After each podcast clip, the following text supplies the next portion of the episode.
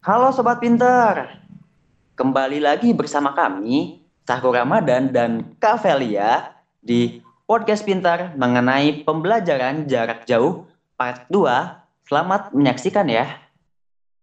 Mungkin aku pengen bertanya terkait tentang kondisi real yang sedang aku uh, rasakan dan mungkin ini studi kasus yang mungkin uh, aku alami ya dari kondisi mahasiswa sekarang nih kak. Uh, aku melihatnya mahasiswa sekarang di masa kuliah uh, jarak jauh seperti ini uh, dan mereka tinggal di rumah biasanya mereka ada aja yang suka uh, bergadang gitu loh kak yang akhirnya mereka telat masuk kelas. Bahkan uh, pahit-pahitnya mereka uh, skip kelas gitu loh kak. Nah ini menurut kakak pandangan kakak gimana sih kak cara uh, kita uh, agar lebih apa ya namanya produktif lagi agar lebih bisa lagi menyesuaikan dengan kuliah pandemi ini seperti apa aja sih kak tips and trick dari kakak gitu Oke. Wah, tips and tricks. uh, kalau misal oh ya, untuk yang pertanyaan itu ya, aku juga merasakan hal yang sama kok. Jadi apa ya, untuk pembelajaran daring ini adalah baru buat semua orang, bukan hanya buat aku, bukan hanya buat kamu, atau bukan hanya untuk sobat pinter aja. Kayak gitu. Nah, pada saat itu mungkin aku ingin bercerita sedikit ya.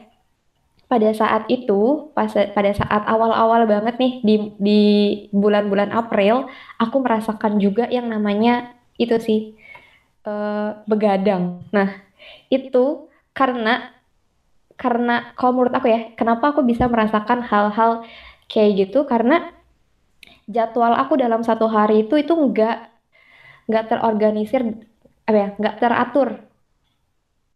Jadi tuh kayak berantakan aja. Biasanya kan kalau misalkan kita kuliah kuliah sesuai apa ya kuliah offline itu kan pasti banyak sekali batasan yang bisa ngemaksa diri kita buat ngikutin sesuai dengan aturan yang ada kan kayak nggak boleh masuk kelas kalau misalkan udah uh, apa tuh namanya udah lebih dari 15 menit kayak gitu-gitu kan. Nah, tapi kalau misalkan uh, belajar dari belajar dari rumah atau perkuliahan secara daring itu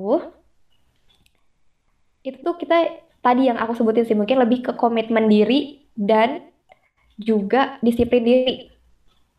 Dulu juga aku merasakan hal yang sama di mana misalkan aku ada kuliah jam 8 nih, kemudian aku baru uh, bangun saya baru baru siap-siap mempersiapkan diri atau bahkan ada teman aku juga yang baru bangun itu kayak 15 menit sebelum si apa namanya si mata kuliahnya itu berlangsung.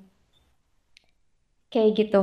Nah, berarti kan ini biasanya ya kalau misalnya kita di kuliah secara secara offline itu tuh jam 8 kita masuk, kemudian kita pasti siap-siapnya tuh dari jam setengah enam pagi dong, biar gak telat.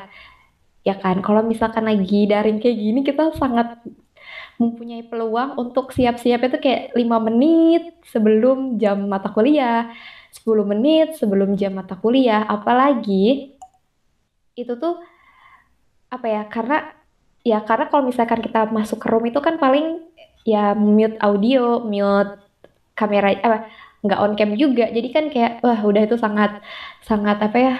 sangat enak banget lah kalau misalkan buat untuk tidak mempersiapkan apa-apa sebelum kuliah itu berlangsung. Namun, itu tuh aku rasakan sekitar satu bulan. Dan itu kan ya udah melewati UTS juga, udah mau ke UAS kan.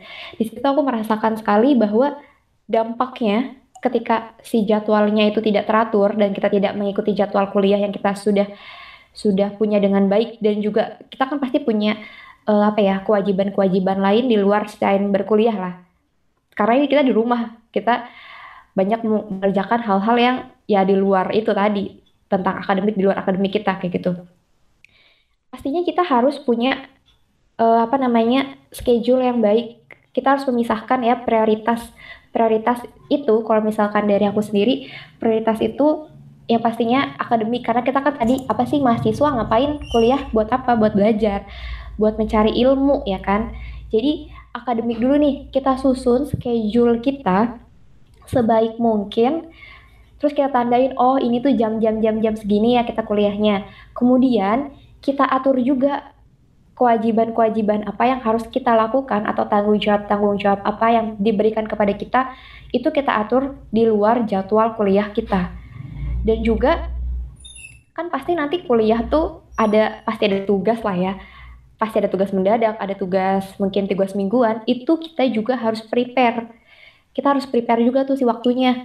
Jadi bukan hanya waktu kuliah tapi waktu waktu untuk mengerjakan tugasnya, waktu untuk mengerjakan hal-hal lain yang berkaitan dengan kuliah. Nah, itu benar-benar kita harus prepare gitu. Baru kalau misalkan uh, ketika aku menjalankan itu pas lagi di bulan April itu kan itu kan bulan-bulan wah sangat hektik ya, sangat semuanya tidak terorgani terorganisa terorganisir dengan baik ya. Itu acak-acakan banget dan menyebabkan aku beberapa kali begadang. Dan efek dari begadang itu adalah nggak ada yang masuk gitu.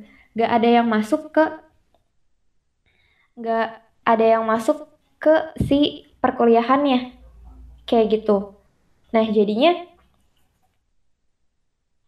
kalau misalkan udah kayak gitu berarti siapa sih yang salah kan tadi mungkin aku bisa kembali menanyakan lagi ya sebenarnya tuh aku, kamu, kita semua itu sebenarnya siap gak sih menjalankan perkuliahan di masa pandemi? Dan yang tadi aku juga bilang kalau ini tuh nggak cuma nggak cuma universitas doang loh yang berbenah, ini nggak cuma guru doang loh yang berbenah, dosen yang berbenah, tapi kita juga berbenah. Nah, di saat kita merasakan dampak dari kita sendiri yang nggak berbenah itu, kita tuh pastinya akan kayak nyari cara kan, itu kayak apa ya manusia tuh pasti kalau misalkan dia nggak nyaman di suatu tempat seharusnya tuh dia bakal nyari alternatif lain yang membuat dia nyaman kayak gitu kan nah itu itu juga berasa di aku. Kayak di semester ini tuh aku udah lebih lebih aku bisa bilangnya ya kalau menilai diri aku sendiri udah lebih bisa beradaptasi. Karena tadi hal-hal yang apa ya hal-hal percobaan yang tadi di bulan-bulan sebelumnya di semester sebelumnya yang itu tuh ngebuat jadi ke diri akunya tuh nggak enak gitu. Entah di kuliahnya nggak enak entah nyerap materinya nggak enak jadi susah ngerti. Terus jam jam begadang ya kita tiba-tiba bisa bisa jadi ada jam malam padahal sebenarnya mungkin siangnya kita nggak produktif paginya mungkin main-main doang. Terus malam juga mungkin cuma nonton TV doang. Terus akhirnya kita tumpuk ke apa ini ke jam yang malam. Mungkin sampai jam 12 malam atau jam satu pagi bahkan sampai begadang. Itu sebenarnya kayak itu bisa kita bisa apa ya bisa kita bisa kita perbaiki dengan mengingat kembali kita tuh tujuan utamanya ngapain sih sebagai seorang mahasiswa kayak gitu dan yang pastinya catatan pentingnya adalah kalian harus atur segala hal jadwal kalian itu ya baik itu di akademik ataupun di luar akademik. Nah, kalau misalkan udah kayak gitu aku berharap pastinya kalian akan siap nih untuk menjalani perkuliahan di masa pandemi. Kayak gitu paling sih tips and trick dari aku. Atur jadwal. Okay. Oke, okay, baik. Terima kasih Kak Velia jawaban yang sangat menarik nih. Teman-teman podcast pinter, kalian harus mengatur jadwal dengan sebaik mungkin. Jangan sampai teman-teman bergadang yang akhirnya materinya nggak masuk dan tubuh kalian lelah. Yang akhirnya ini menurutku bisa mempengaruhi kondisi psikolog kita juga nggak sih kak? Mental kita kita juga nggak sih kak? Ih, yang akhirnya kita menurutku ya kita bakal mudah lelah karena uh, energi kita banyak diporstir dari hasil bergadang yang ya menurut aku gak hak semestinya harus dilakukan oleh para mahasiswa. Nah, maka dari itu teman-teman harus dengan bijak untuk menggunakan waktunya dan uh, prioritaskan hasil. Yang diukur itu hasil, bukan waktu. Jadi menurutku uh, kita juga kalau misalkan ngerjain tugas ya alangkah lebih baiknya kita coba tulis hasilnya agar ketika kita menulis hasil tugas yang udah kita capai, uh, kita akan lebih uh, bersemangat lagi untuk menyelesaikan tugas-tugas yang lainnya daripada kita uh, berpatok kepada waktu, menambah uh, jam uh, kerja kita untuk melaks uh, apa ya mengerjakan tugas-tugas.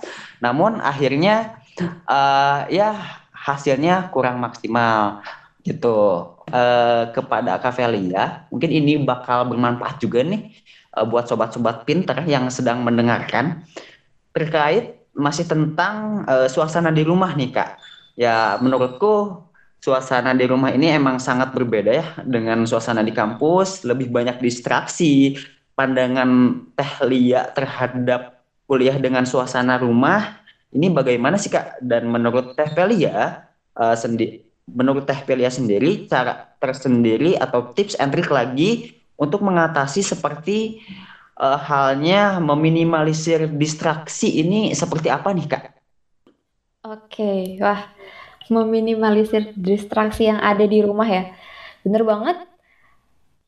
Kita itu sekarang sedang berada di rumah, punya apa ya, punya kewajibannya masing-masing, punya tanggung jawabnya masing-masing di rumah dan punya urusan-urusan yang mungkin nggak kita temuin kalau misalkan kita tuh berkuliah secara offline, di mana kita tuh ngekos kan pastinya di Unpad kayak gitu.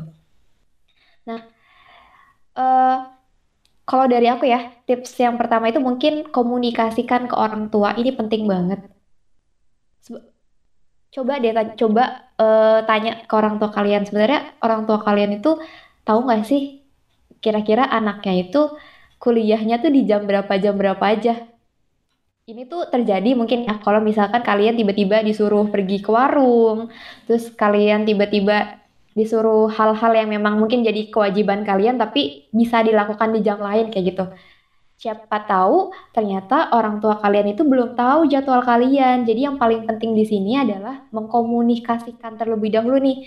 Mah, pah, ibu, bapak. Mungkin kalau misalkan kalian punya kakak dan adik-adik lucu yang mungkin bisa menambah distraksi ke kalian atau mengajak kalian bermain, coba uh, komunikasikan dengan mereka bahwa uh, halo kak, halo dek, jadi kakak tuh punya jadwal di jam segini jam segini. Jadi nanti adik main dulu ya sendiri atau gimana gitu. Terus kalau misalkan ke mama papa atau ke ibu bapak mungkin bilang mah pah mungkin nanti uh, tugas-tugas rumah ya. Misalnya kita bisa bilang tugas-tugas rumah.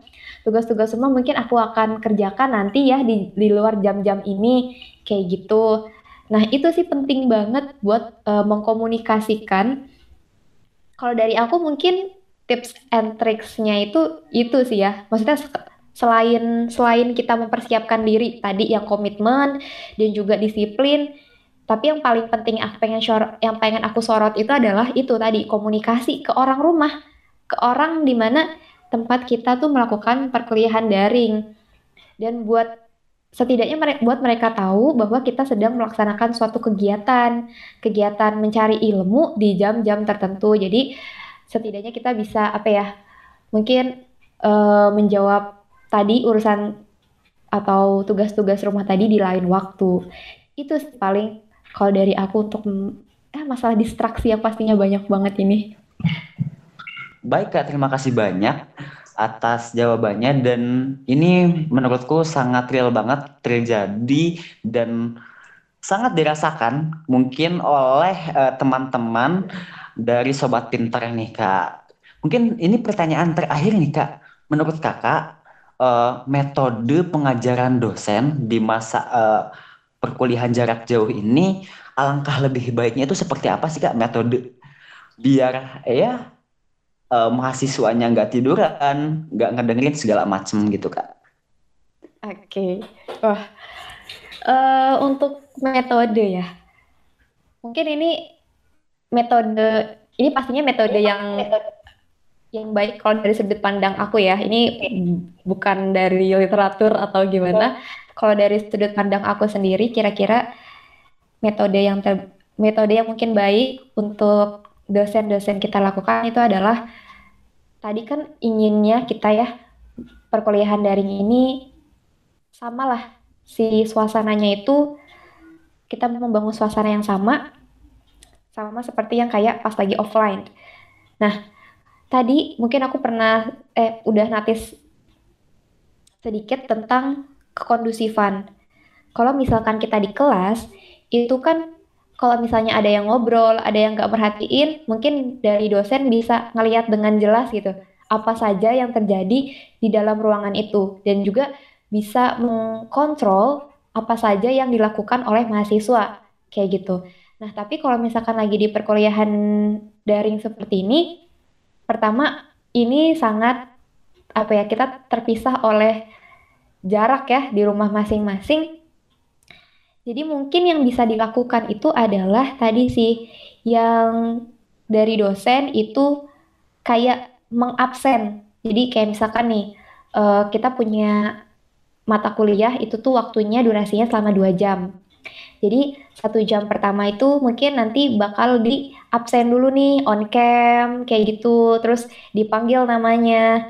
Itu tuh sebenarnya kalau menurut aku udah bisa memecah apa ya udah bisa membantu untuk si roomnya itu kondusif supaya mereka itu mahasiswanya aku juga itu bisa memperhatikan. Jadi kan kalau misalkan tiba-tiba dipanggil kan kayak wah aku harus siap siaga terus nih kayak aku harus standby terus nih kayak gitu kan. Buru-buru on kayak apalagi kalau misalkan dari dosennya mungkin bisa uh, apa ya ada aturan juga kalau misalkan kalian dipanggil kemudian kalian gak on cam dan gak on mic juga, berarti kalian dianggap tidak memenuhi kehadiran. Padahal kan kita tahu ya, pada kita tuh cuma boleh uh, tidak hadir tuh tiga, tiga kali doang. Nah, kalau kita kejadian kayak gitu berulang-ulang kali kan berarti kita harusnya memperbaiki diri ya. Jadi kita mungkin lebih siaga kayak gitu. Nah, ketika mahasiswanya lebih siaga, secara tidak langsung kita tuh kayak dipaksa, ayo kamu harus tertarik dengan mata kuliah ini dan harus mendengarkan.